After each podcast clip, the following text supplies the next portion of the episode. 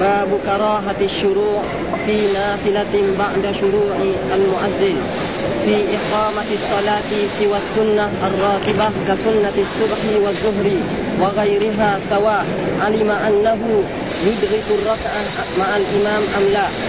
قال وحدثني أحمد بن حنبل قال حدثنا محمد بن جعفر قال حدثنا شعبة عن ورقاء عن عمرو بن دينار عن عطاء ياسر عن أبي هريرة عن النبي صلى الله عليه وسلم قال إذا أقيمت الصلاة فلا صلاة إلا المكتوبة. قال وحدثني محمد بن حاتم وابن رافع قال حدثنا شبابة قال حدثني ورقاء بهذا الإسناد. قال وحدثني يحيى بن حبيب الحارثي قال حدثنا روح قال حدثنا زكريا بن إسحاق قال حدثنا عمرو بن دينار قال سمعت عطاء بن ياسار يقول عن أبي هريرة عن النبي صلى الله عليه وسلم أنه قال إذا إذا أقيمت الصلاة فلا صلاة إلا المكتوبة قال وحدثناه عبد بن حميد قال أخبرنا عبد الرزاق قال أخبرنا زكريا بن إسحاق بهذا الإسناد مثله قال وحدثنا حسان بن حسان الجلواني قال حدثنا يزيد بن هارون قال أخبرنا حماد بن زيد عن أيوب عن أمر بن عن أمر بن دينار عن عطاء بن ياسار عن أبي هريرة عن النبي صلى الله عليه وسلم بمثله. قال حماد ثم لقيت أمرا وحدثني به ولم يرفعه. قال حدثنا عبد الله بن مسلمة القعنبي قال حدثنا إبراهيم بن سعد عن أبيه عن حفص بن عاصم عن عبد الله بن مالك بن بحينة أن رسول الله صلى الله عليه وسلم مر برجل يصلي وقد أقيمت صلاة الصبح فكلمه بشيء لا ندري ما هو. فلما فلما انصرفنا أخذنا نقول ماذا قال لك رسول الله صلى الله عليه وسلم قال قال لي يوشك أن يصلي أحدكم الصبح أربعا.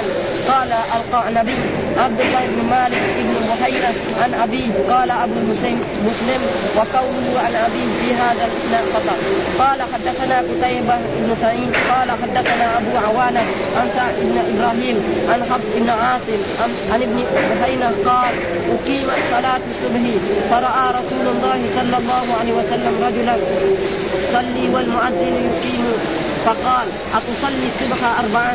قال قال حدثنا أبو كامل الجحدري قال حدثنا حماد يعني ابن زيد حاء قال وحدثني حامد بن عمر البكراوي قال حدثنا عبد الواحد يعني ابن زياد حاء قال وحدثنا ابن نمير قال حدثنا أبو معاوية كلهم عن عاصم حاء قال وحدثني زهير ابن هر واللفظ له قال حدثنا مروان بن معاوية الفزاري عن عاصم الأحوال عن عبد الله زريع قال دخل رجل المسجد ورسول الله صلى الله عليه وسلم في صلاة الغداء وصلى ركعتين في جانب المسجد ثم دخل مع رسول الله صلى الله عليه وسلم. فلما سلم رسول الله صلى الله عليه وسلم قال يا فلان بأي الصلاتين اعتددت بصلاتك وحدك أم بصلاتك معنا؟ قال أعوذ بالله من الشيطان الرجيم بسم الله الرحمن الرحيم الحمد لله رب العالمين والصلاة والسلام على سيدنا ونبينا محمد وعلى آله وصحبه وسلم أجمعين. قال الإمام الحافظ أبو الحسين مسلم بن حجاج القشيري المستوفي رحمه الله تعالى والترجمه الذي ترجمها الإمام النووي باب كراهه الشروع في نافلة بعد شروع المؤذن في إقامة الصلاة والسنة الراتبه كسنه الصبح والظهر وغيرها سواء علم أنه يدرك الركعة مع الإمام أم لا. في هذه الترجمة يقول الإمام باب كراهه الشروع في نافلة. فإذا أقيمت الصلاة أي صلاة؟ صلاة الظهر أو العصر أو المغرب أو العشاء أو الفجر فلا فيكره للإنسان المسلم أن يصلي نافلة. بل يصلي الفريضه ثم بعد ذلك إذا أراد أن يصلي النافلة يصليها. وأما بعد ما تقام الصلاة فإنه جاء في حديث نعم إذا أقيمت الصلاة فلا صلاة إلا المكتوبة. إذا اقيمت الصلاة فلا صلاة هذا الحديث بهذا النص فلا صلاة إلا والذي يظهر من ترجمة الإمام النووي أن هذا جائز. يعني إذا كان الإنسان يعني ابتدع مثلا اقيمت الصلاة وهو لم يصلي ركعتين يصلي. كذلك إذا أقيمت الصلاة وهو دخل المسجد ثم يصلي يعني ركعتين الراتبة التي قبل الظهر أو قبل العصر فله أن إيه؟ يصليها. ولكن الأحاديث يعني قال إذا أقيم لا صلاة ودائما النفي عن إيه؟ عن حقيقة الصلاة. ولذلك العلماء اختلفوا في ذلك. مثلا الإمام مالك والامام احمد لا يرون ذلك. فمن يعني كتب الفقه. الحنابله يقول إذا كان يتمها خفيفه كتب الفقه. وفقه الحنابله يتمها خفيفه والأحسن أنه لا يصلي والأحسن من الإنسان إذا أقيم في الصلاة فلا يصلي وإذا كان في أول الصلاة يقول يقطع الصلاة. ولذلك هذا هو اللازم ولكن الذي يظهر أنه إذا كان يصلي مثلا ركعة يصلي. ها يصلي ثاني. ولكن الأحاديث تدل على ذلك. والذي يظهر أن ان في مذهب الإمام الشافعي وفي مذهب الإمام الحنيفي وأكثر نحن نرى الحنفيه يعني ها باكستانيين وهذول ابدا ها تقام الصلاة وهو يصلي. ولو تفوت الركعة الأولى ولا الركعة الثانية.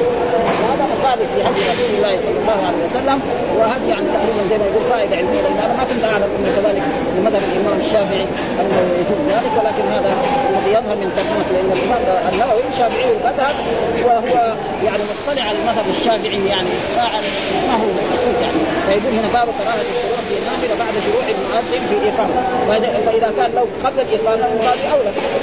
هو بدا فيها وبعد ما صلى ركعة اقيمت الصلاة. وعلى يسلمها على هذا الذي يظهر هو السنة الراتبة، إيش السنة الراتبة؟ مثلا جاء في أحاديث من صلى اربعا قبل الظهر. من صلى مثلا آه عن رسول الله عشر ركعات ركعتان قبل الظهر وركعتان بعدها وركعتان بعد المغرب وركعتان بعد العشاء وركعة هذه السنة الراتبه هذه إيه أما مثلا يصلي أربع ركعات ويصلي ست ركعات لا ما يفعل هذا تقريبا يعني سنة السنة الراتبة كسنة الظهر فإن فيه إيه؟ ركعتان قبل الظهر. حديث عبد الله بن عمر متفق عليه. وركعتان نعم كذلك من صلى أربعا قبل الظهر صلى مثلا أربعا قبل العصر بنى الله له بيتا في الجنة. إلى غير ذلك هذا وكذلك الصبح الصبح على ركعة الفجر خير من الدنيا ركعة الفجر خير من الدنيا وما فيها وغيرها حتى غيرها يقول. يعني ما تكون غير أجمع سواء علم أنه يدرك الركعة مع الإمام أم لا. هذا هو يعني الترجمة تدل على مذهب الإمام الشافعي ولكن الحديث يدل على أنه يعني لا صلاة. تعالى إن الرسول يقول إذا أقيمت الصلاة فلا صلاة إلا الله. ودائما النفي إذا نفى الله أو نفى الرسول فالمراد به إيه؟ حقيقة الصلاة. ها؟ لكن يجي هم يقول لا صلاة إيه؟ كاملة.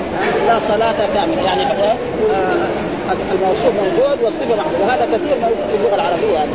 اللغة العربية يتدخل في بعض المسائل العلمية وكثير مثل لا صلاة كاملة مثلا آه مثلا الله يقول يأخذ كل سفينة غصبا يعني سفينة إيه؟ صالح صالحة ما في الآية. سفينة إيه؟ صالحة لأنه كان يأخذ كل سفينة كان يأخذها. ولو كانت مخلوقة. ها؟ مثلا موجود. الآن جئت بالحق. بني إسرائيل يقول لموسى عليه السلام الآن جئت بالحق. يعني جئت بالحق إيه؟ البين أو الواضح. فاللغة العربية تتدخل مثلا النحو هذا يتدخل فلذلك هنا إيه؟ بعضهم يقول لا صلاة يعني كاملة أو مكروها هو الصحيح أن الإنسان إذا فعل ذلك أنه لا يصلي. ثم جاء في الأحاديث وامرتكم بامر فاتوا بالمسطره إذا نهيتم يصلي إيش الدليل؟ قال حدثنا أحمد بن حنبل حدثنا محمد بن جعفر حدثنا شعبة عن ورقاء عن عمرو بن دينار عن عطاء بن يسار عن أبي هريرة عن النبي صلى الله عليه وسلم قال إذا أقيمت الصلاة يعني أقيمت الصلاة إيه؟ المفروضة فلا صلاة لا نافي للجنس وصلاة اسم الله مبني على الفتح إلا المكتوبة. إلا المكتوبة هو إيه؟ وحدثني محمد بن حاتم بن رافع قال حدثنا شبابه وحدثني آه ورقاء بهذا الإسناد. الحديث صحيح لا صلاة إذا أقيمت الصلاة الواجب على الإنسان أنه كان يصلي نافلة يترك النافلة ويدخل مع الإمام ويصلي. ولا يجوز له. فإذا فعل ذلك قد أساء والذي يظهر المسألة فيها خلاف بين الأئمة وهذا ما يجوز. وهنا ذكر يعني الأشياء التي ذكرها هذا نقرأها عشان نستفيد قال قوله صلى الله عليه وسلم إذا أقيمت الصلاة فلا صلاة إلا المكتوبه في الرواية الأخرى أن رسول الله صلى الله عليه وسلم مر برجل يصلي وقد أقيمت صلاه الصبح فقال يوشك أن يصلي أحدكم الصبح اربعا كيف معناه يوشك؟ لأنه الآن لما أقيمت الصلاة صلى ركعتين ثم كمان صلى ركعتين لأنه صلى الصبح إيه؟ أربع ركعات والصبح كم؟ ركعتين ها؟ كلام سليم يعني لازم إيه؟ بعد ذلك ثم إذا فاتته ركعتين الفجر بعد ما يصلي ويصلي يقوم يصلي. وقد ثبت في ذلك حديث عن رسول الله صلى الله عليه وسلم صحيحا أن رجلا صلى مع رسول الله صلى الله عليه وسلم الصبح وبعد ما سلم الرسول قام يصلي. فقال له الرسول أي صلاة ذلك؟ انت صليت معنا وكمان تصلي. قال يا رسول الله لم أصلي ركعتين. فأقره الرسول صلى الله عليه وسلم على ذلك. وهذا فيه دليل على أن السنة قول الرسول فعله تقرير والإمام مالك مذهب. المالكيه يروا أنه يصليها إيه؟ بعد طلوع الشمس.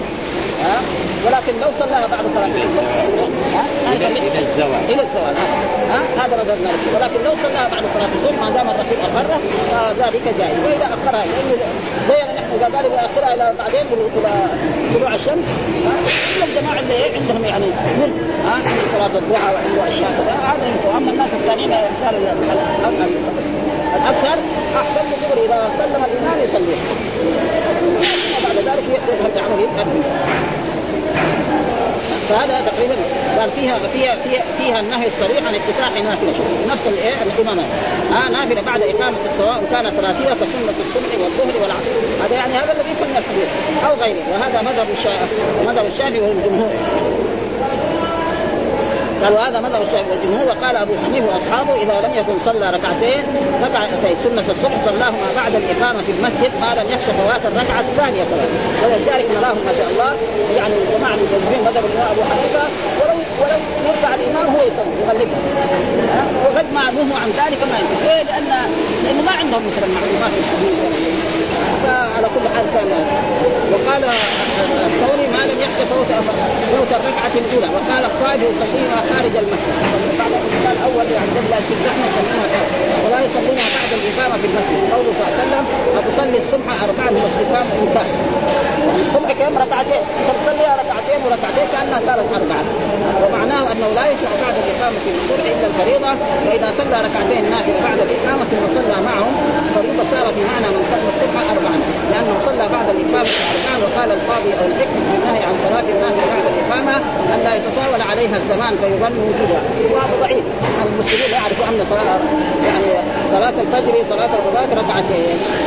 الان مضى على على يعني فرض الصلاة يعني حوالي 420 سنه أو 22 سنه والناس عارفين أن ركعة الفجر ما هي ها؟ لكن هذا فيه حكمة والحكمة يقول أن الحكمة ان يتفرق للفريضة من أولها.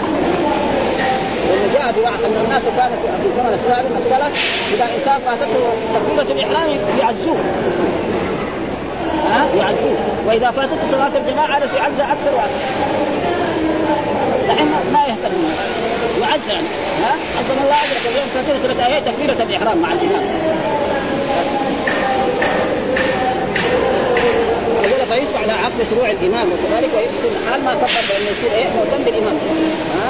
إذا كبر الإمام فكبر وإذا يعني قرا فانصتوا وإذا ركع فاركعوا فيكون مع الإمام تماما.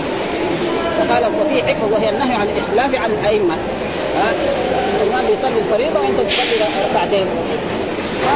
هذا اختلاف لا تختلف على امام ولذلك هذا تقريبا الذي يفهم من هذا النصوص ولذلك السنة والواجب أنه لا يصلي في نهي عن استحب عن النافلة. قال سواء كانت يعني مذهب الإمام الشافعي هذا. لكن هو الظاهر إنه الإمام النووي ما اليه يقول مذهب إيه؟ الإمام الشافعي. لا يصلي. ها آه وكذلك مذهب الإمام مالك وكذلك مذهب الإمام أحمد بن حنبل. ومذهب الإمام أبو حنيفة هو الذي يرى أنه يصلى ركعتين إذا أقيمت الصلاة يعني بسرعة ويدرك إيه؟ الركعة الأولى أو يدرك الركعة الثانية. آه فهذا تقريبا يفهم إيه؟ من وحدثنا يحيى بن حبيب الحارثي حدثنا روح قال حدثنا زكريا بن إسحاق حدثنا عمرو بن دينار قال سمعت عطاء بن يسار يقول عن أبي هريرة عن النبي صلى الله عليه وسلم أنه قال إذا أقيمت الصلاة فلا صلاة إلا المكتوبه هذا حديث ثاني. فلا صلاة. السند مختلف وهذا يعني تقريبا مشايخ الإمام مسلم مختلفين. كلها الصحابي أبو هريرة ولكن مشايخ البخاري مسلم مختلفين عن المعنى وحدثنا عبد الله بن حميد أخبرنا عبد الرزاق قال أخبرنا زكريا بن إسحاق بهذا الإسناد مثله وهو إذا أقيمت الصلاة فلا صلاة إلا المكتوبة. فهذا هو الواجب أن الإنسان إذا أقيمت الصلاة لا يصلي ركعتي الفجر ولا يصلي سنة الظهر ولا سنة العصر ولا غير ذلك ولا سنة المغرب كذلك فإن كانت هذه ما هي راتبة. ثم قال حدثنا حسن الحلواني حدثنا يزيد بن هارون أخبرنا حماد بن زيد عن أيوب عن عمرو بن دينار عن عطاء بن يسار عن أبي هريرة. قال عن النبي صلى الله عليه وسلم بمثله. قال حماد ثم لقيت عمرا حدثني به ولم يرفعه. يعني مرة ثانية قابلت عمرو هذا اللي هو أحد رجال الحديث وهو مشايخ الحديث لم يرفعه. يعني قال إيه؟ قال مثلا عن عن أبي هريرة ما قال عن النبي صلى الله عليه وسلم. عن أبي هريرة قال إذا أقيمت الصلاة فلا صلاة إلا المكتوبه هذا مع إيش المرفوع؟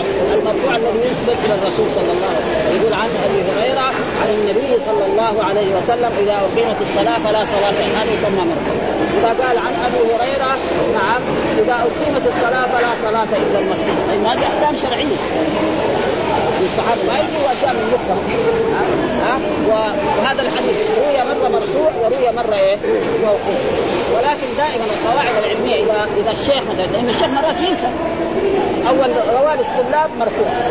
بعد واحد جاء سأله قام قال له؟ عن عن فلان إلى رسول الله. فحدث إيه؟ الصحابة يعني التابعين. حدث إيه؟ ما قال عن رسول الله صلى الله عليه وسلم والآن أكثر الأحاديث موجودة في الكتاب كلها مرفوعة. وفي حديث وفي قاعدة علمية عند المحدثين إذا كان الحديث مرة موجود ومرة موجود نحكم عليه أنه مرفوع. ها؟ نحكم عليه أنه مرفوع. ما دام هذا معناه ولم يرفع. يعني إيه؟ لم يسند إلى النبي صلى الله عليه وسلم. موقوف أسنده إلى الصحابي الصحابي يقول آه آه أبي هريرة يقول ما يقول عن رسول الله. يقول إذا أقيمت الصلاة فلا صلاة إلا المكتوب وهذا يعطى حكم المكتوب وحدثنا عبد الله بن مسلمة القعنبي حدثنا عن إبراهيم. ابن سعد عن أبيه عن حفص عن عاصم عن عبد الله بن مالك ابن ابن بحينة. آه. هذا ابن بحينة يقول هذه يعني عبد الله ابن مالك. أما ابن بحينة هذا هذه أم في بعض المرات بعض الروايات كتبوا إيه؟ عن أبيه. هذا غلط. غلط. ولازم نكتبها كمان ابن نكتب الهمزة. ابن بحينة. لأن دحين محمد إيه؟ ابن عبد الله. واحد يكتب ابن يكتب الهمزة معنى ما يعرف املا غلط. ولذلك ما شاء الله الموظفين اللي في الدوائر الحكوميه دول في الجوازات هذول كلهم ما يعرف اللغة العربية. محمد ابن عبد الله يقول لك ابن الحمد ها ما يصح. أما إذا مثلا مثلا ما في ما في آه يعني اسمين آه علمين يقول إيه مثلا دحين إيش نقول؟ نقول إيه؟ يعني ابن حجر. أو ابن تيمية. نحط إيه؟ الحمد. أما لما نقول مثلا آه مثلا محمد ابن علي ها ابن حجر لكن ما نحط الهمزه لذلك يعني ابن بعد ابن بحينة لازم نحط الهمزه وهي موجودة في النساء يعني ليه؟ لأنه يعني بحينة هذه ما هي ما هو أبوه. أمه. إنه قال عبد الله ابن مالك. أبوه مالك. هذا عشان إيه؟ معروف بهذا. قد يحصل يعني الإنسان يكون معروف بامه أكثر من أبيه. هذا يعني. ولذلك نفس الإمام مسلم بين هذا في في الحديث وقال انه قال ابن بحينة ها؟ ابن بحينة لازم نحط الهمزة في إيه؟ ابن هذا لأن ابن بحينة هذه ما هي إيه؟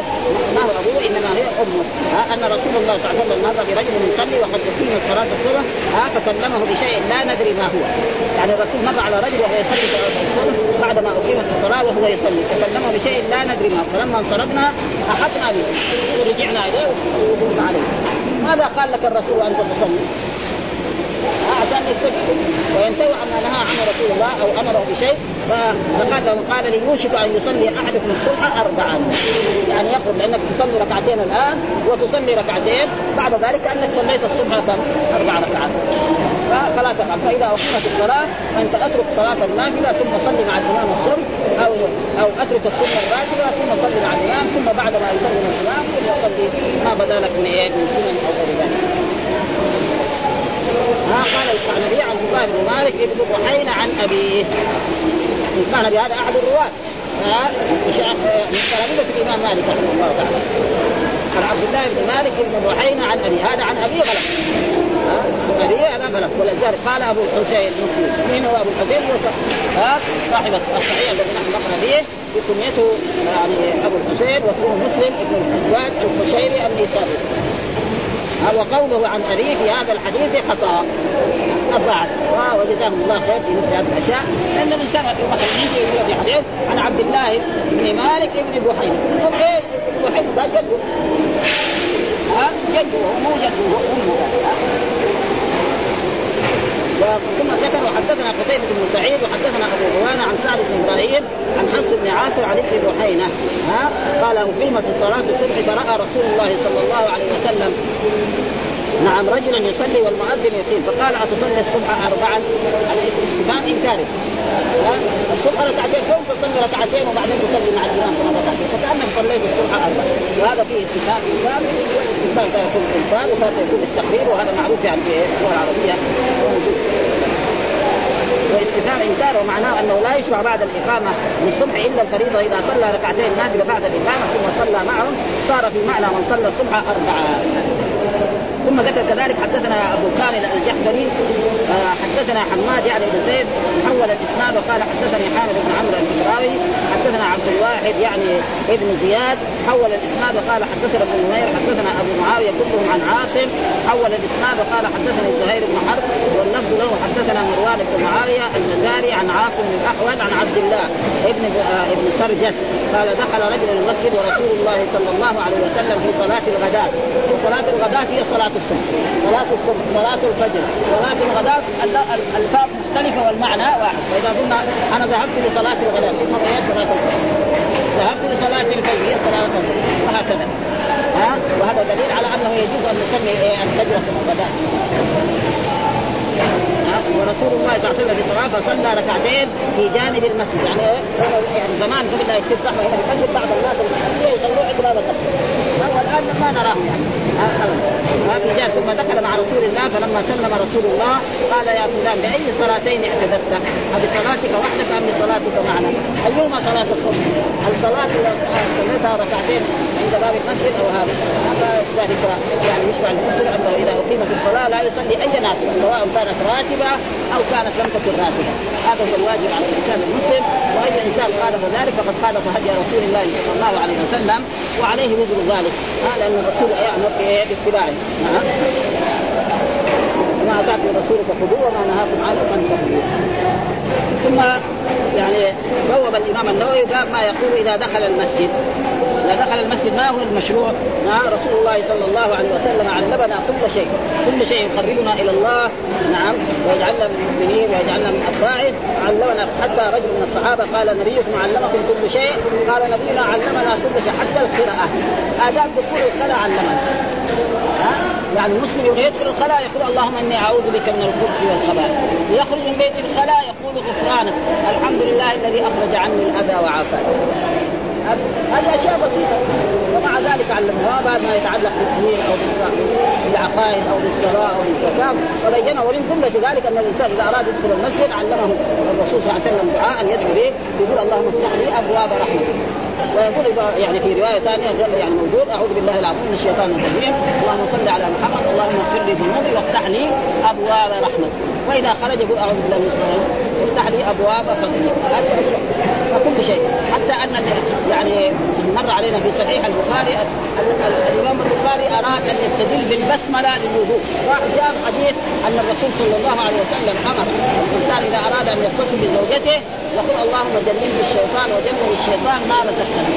بسم الله. اللهم جنبني الشيطان وجنبني الشيطان ما فإنه ان قدر له لم يضره الشيطان. يجيب إيه؟ هذا في هذا في الجماع. يحطه في إيه؟ قال باب التسمية في الوضوء. حط هذا وجاب الحديث هذا. لأن الأحاديث التي في البسملة يعني مثلا لا وضوء لمن لم يذكر اسم الله. هذا ما يمكن يحطه في الصحيح. ما ما يختلف مع شرط البخاري. هذا راح جاب الحديث. يختلف مع شرط. هذا الحديث واحد جاب يدور في البخاري. له إيه؟ في النكاح. ما يقول في الوضوء. في النكاح كمان يجيبه هناك. يعني يظن إنه يجيب هذا الحديث وهذا دليل على إيه؟ أن القياس صحيح. يعني في بعض العلماء كمان بعض طلبة العلم كمان يقول لك ما في قياس في الإسلام. وان القياس من الشيطان هذا غلط كمان. يعني إيه غلطان يعني يوجد ناس الآن من طلبة العلم مشايخ يقول ما في قياس. لأن الله بين كل شيء. ما فرطنا في الكتاب. هذا كيف؟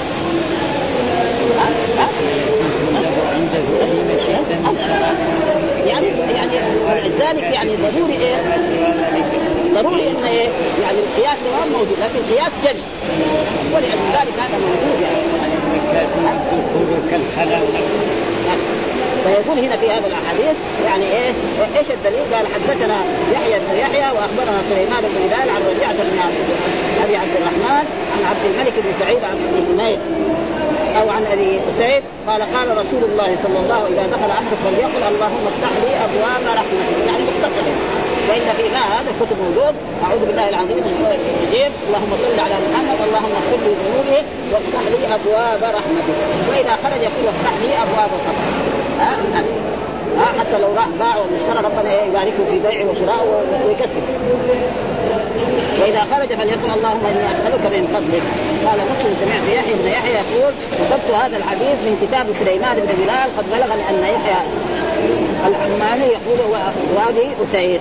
يعني ولا فرق يعني إذا أخذوا من كتاب الثقة خلاص ما فيها أي شيء. إيش ناخذ من الحديث؟ قال فيه استحباب هذا الذكر وقد جاءت فيه أذكار كثيرة غير هذا في سنن أبي داود وغيره وقد جمعتها مفصلة في أول كتاب الأذكار ومختصرة مجموعة. أعوذ بالله العظيم ووجهه الكريم وسلطانه القديم من الشيطان الرجيم. بسم الله والحمد لله. اللهم صل على محمد وعلى آل محمد. اللهم اغفر لي ذنوبي وافتح لي أبواب رحمه وفي الخروج يقول لكن يقول اللهم إني أسألك من فضلك. ها هذه اشياء يعني رسول الله صلى الله عليه وسلم علمنا كل شيء حتى الاشياء الآن الغربيين الكفار ما يعرفوا هذه يمكن يعني الغربيين يعني والناس الكفار والمشركين حتى الأشياء التي تتعلق مثلا بالحيض وبالنكاس وبالجماع. يعني يمكن يعني يمكن ناس جهله أو ناس يمكن الرجل جامع زوجته نعم ولا ولا يغتسل من الجنابه ها؟ وهذا قد يقع يعني بعض المسلمين والجهله يقع في هذا والمرأة يمكن تحيض وتطهر ولا تعرف إيش الحيض ولا تعرف إيش الطهار ولذلك هذه أشياء علوم لابد ان يتعلمها الرجل والمرأة وكل إنسان. ولذلك شو الرسول يعلمنا كل شيء حتى آداب كثيرة قال علمنا رسول الله صلى الله عليه وسلم ولذلك يقول في هذا بعد الحديث أعوذ بالله العظيم ووجه الكبير وسلطان القديم من الشيطان الرجيم.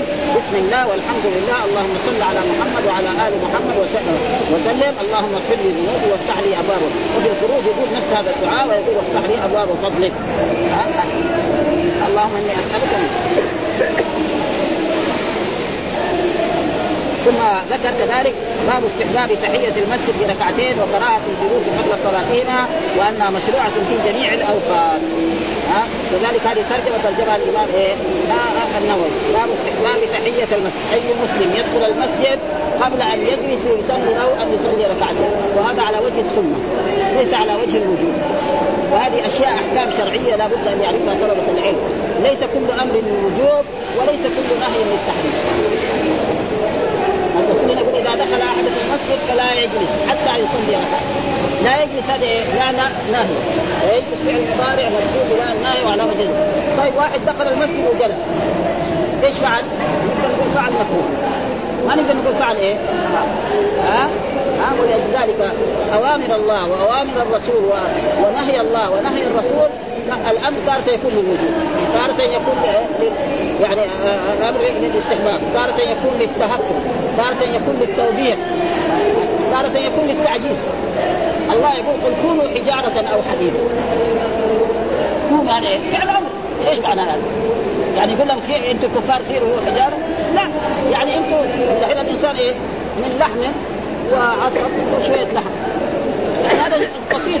يمكن الجبال شوف الله يحييكم ثاني مره ولا ما يحييكم هم يسووا ما عندهم شيء من هذا. كثير يعني. وكذلك النهي كذلك النهي. لا يجلس. لا يجلس. نهي نهي هل هذا النهي حرام؟ الجواب ما هو حرام، واحد جلس نقدر نقول أنت فعلت مكروه، فلذلك هذه أشياء يعني يجب بالنسبة للطلبه ليس كل أمر بالوجوب، الرسول قال صلوا قبل المغرب، صلوا قبل المغرب، ومر علينا حديث الحج. أن الرسول لما حج حجة الوداع ووصل إلى مكه أمر أصحابه؟ من لم يسق الهدي فليجعلها عمرة. فليجعلها إيه أمر. فعل مضارع دخل عليه فليجعلها ثم قال واصيبوا النساء. الحل من الحج هذا اللي ما عنده هذا واجب. ولكن أصيب النساء يعني أي واحد من الصحابة لازم يروح لازم يتصل بزوجته لا. هذا مباح.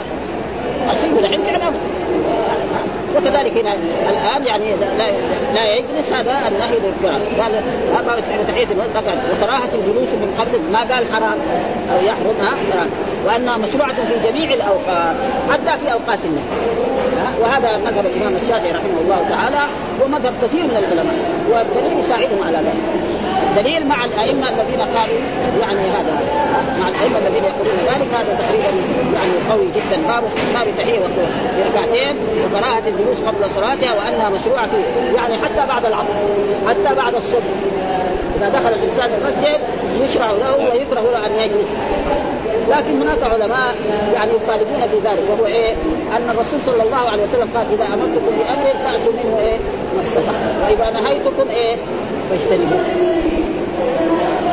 هنا قال إذا امرت وإذا نهيتكم فاجتنبوا. في أمر وفي نهي. في احاديث نهى رسول الله عن الصلاة بعد الصبح وبعد العصر. إيه نهي. خلاص.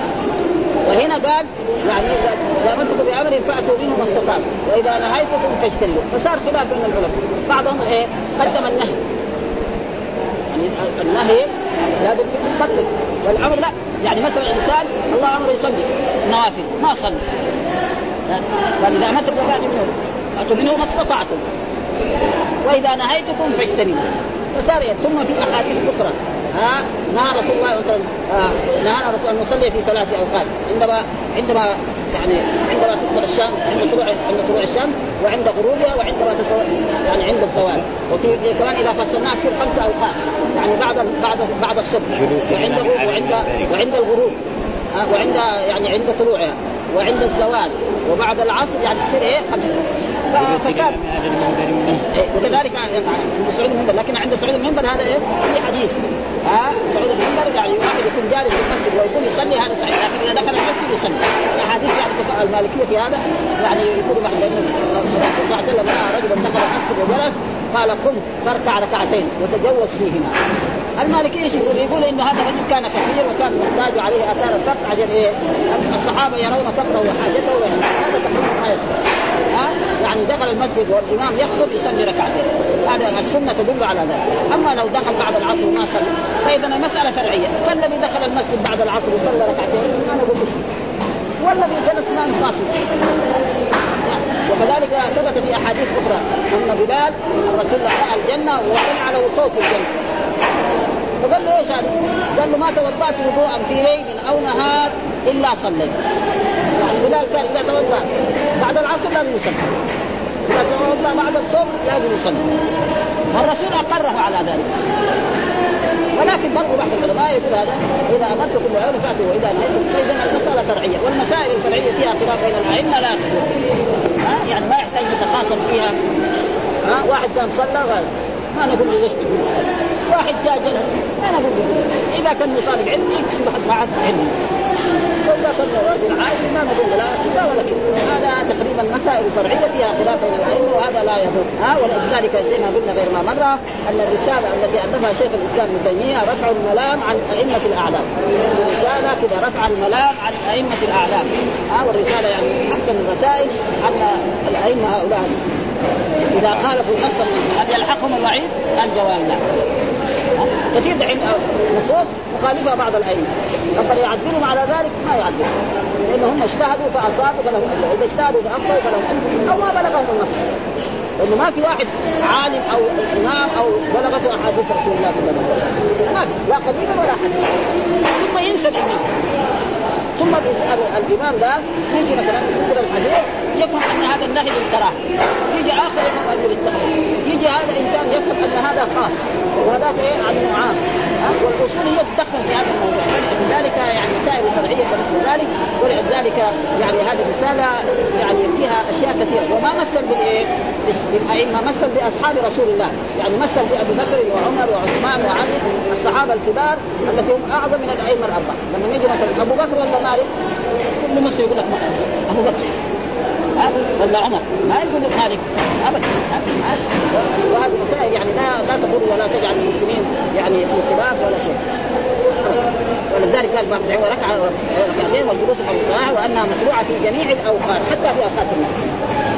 ولكن بعض العلماء ما يرون. أوقات ليه؟ يقول إذا نهيتكم فاجتنبوا. لك لا تصلي بعد العصر. أنا اصلي صلى ما يضر شيء والذي جلس لا يضر شيء عشان لا يحدث بين المسلمين وبين الائمه في هذا إيش الدليل؟ ده هذه الأحاديث الذي ساقها.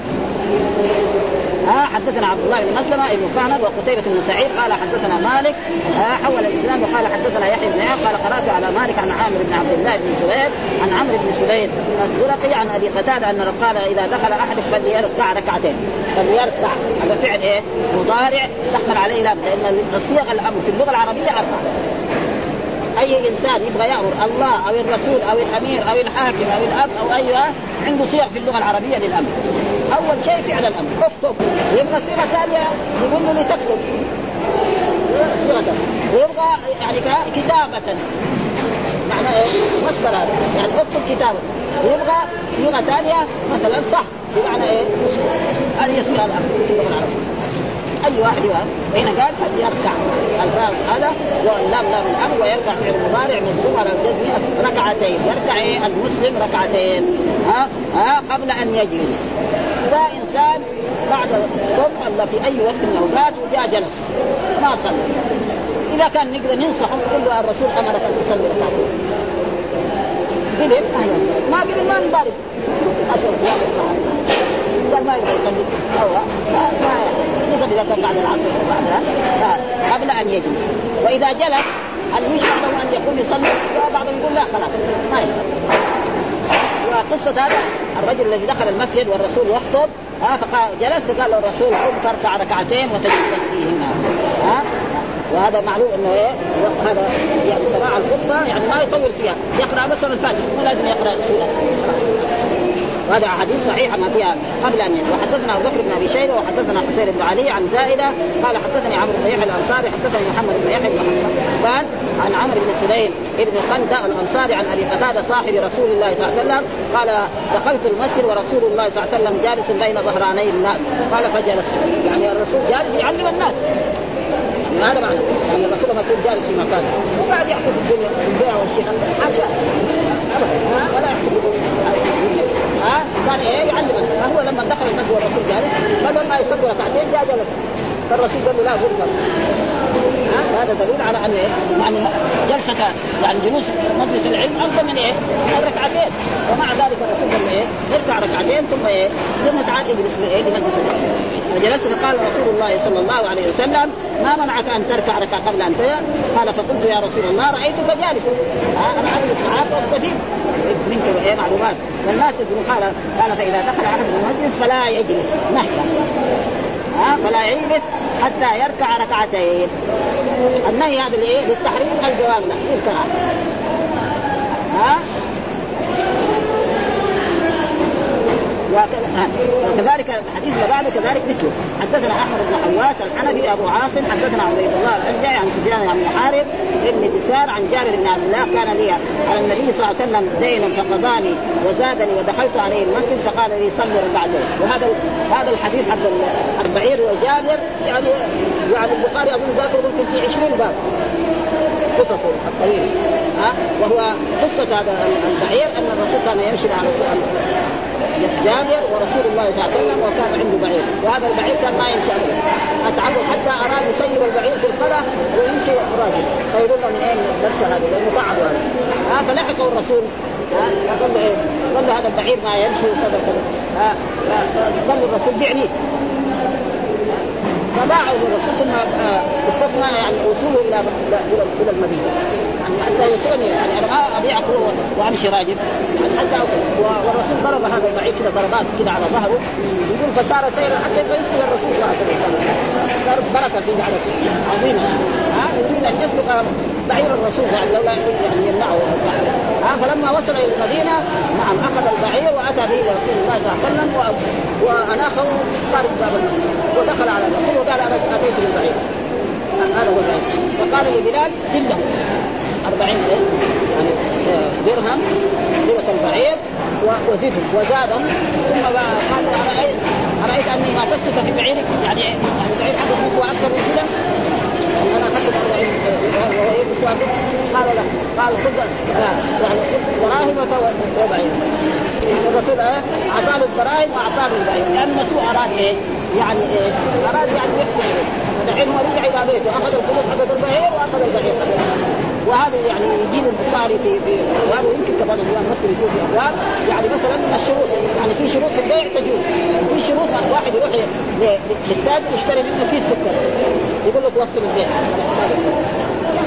ها؟ اشتري من من القماش يقول الخياط بخير لكن أنا أبيع عليك هذا وتشتري مني ابيعك هذا الكتاب أنت تشتري مني إيه؟ الشيء هذا ما يصير. ولذلك في شروط البيع جائز وفي شروط القبول ولذلك آه هذا الحديث يعني البخاري ذكر في عدة مواضع وكمان الإمام مسلم له بعينه هو والا هذا ما له علاقه بهذا بهذا قال فقضاني وزادني كان يسوى كان هذا البعير زاد كمان كالنزول يقول وبعد ذلك يعني من بركه هذه الزيادة أن هذه الزيادة قعدت معاه سنين. سنين يعني. ضيع هذا ولكن الزيادة هذه كان فيها بركة عظيمة وقد مر هذا هذا فقال لي صلي ركعتين. برضه هنا صلي. فعل أمر مبني على حذف إيه؟ الياء. صلي. ها؟ ولا وينتبه طلبة العلم ما يكتب مثلا صلي يكتب ياء. إذا كتب ياء غلط لأنه فعل أمر معتل آخر. وفعل الأمر المعتل الآخر يعني يبنى على حسب إيه؟ اخر ها مثلا إرمي قل إرمي. ها اخشى اخشى. ها, فلذلك انتبه صلي ركعتين. ها فأمر بالصلاة وهذه يعني ركعتين تحية المسجد. واجبة الجواب ليس واجب إنما هي إيه؟ مشروعة وهذا تقريبا هو هنا يقول فيه استحباب تحية المسجد ركعتين وهي سنة بإجماع. يعني ما حد يقارن وحكى القاضي عياض عن داوود وأصحابه وجوبهما معلوم داوود الظاهري كل شيء واجب. وفيه تصريح بكراهة الجلوس بلا صلاه وهي كراهة تنزيل وفيه استحباب التحية في أي وقت دخل وهو مذهبنا يعني مذهب الإمام الشافعي حتى في أوقات النهي ها؟ وبه قال جماعة وكره أبو حنيفة والأوزاعي والليث في وقت النهي ومالك كذلك. نعم. واجاب أصحاب أن النهي إنما هو آه عما لا سبب له لأن النبي صلى الله عليه وسلم صلى بعد العصر ركعتين قضاء سنة الظهر. وهذا ما يكفي لأن آه يعني الرسول له أن يقضي السنن التي فائده ونحن فليس لنا أن نقضي ولذلك آه أرسلت أم سلمة الجارية تسأل رسول الله قالت أنت تنهى عن الصلاة بعد العصر ولا تصلي؟ أنت القدوة. هل نحن إذا فاتتنا نصلي؟ قال لها لا. هذا بالنسبة لنا لأن الله أمر الرسول يا ايها المزمل قم الليل إلا قليلا نصفه يعني قيام الليل بالنسبة للرسول إيه؟ واجب. وبالنسبة لنا نحن الحمد لله رب العالمين وصلى الله وسلم على نبينا محمد وعلى آله وصحبه وسلم.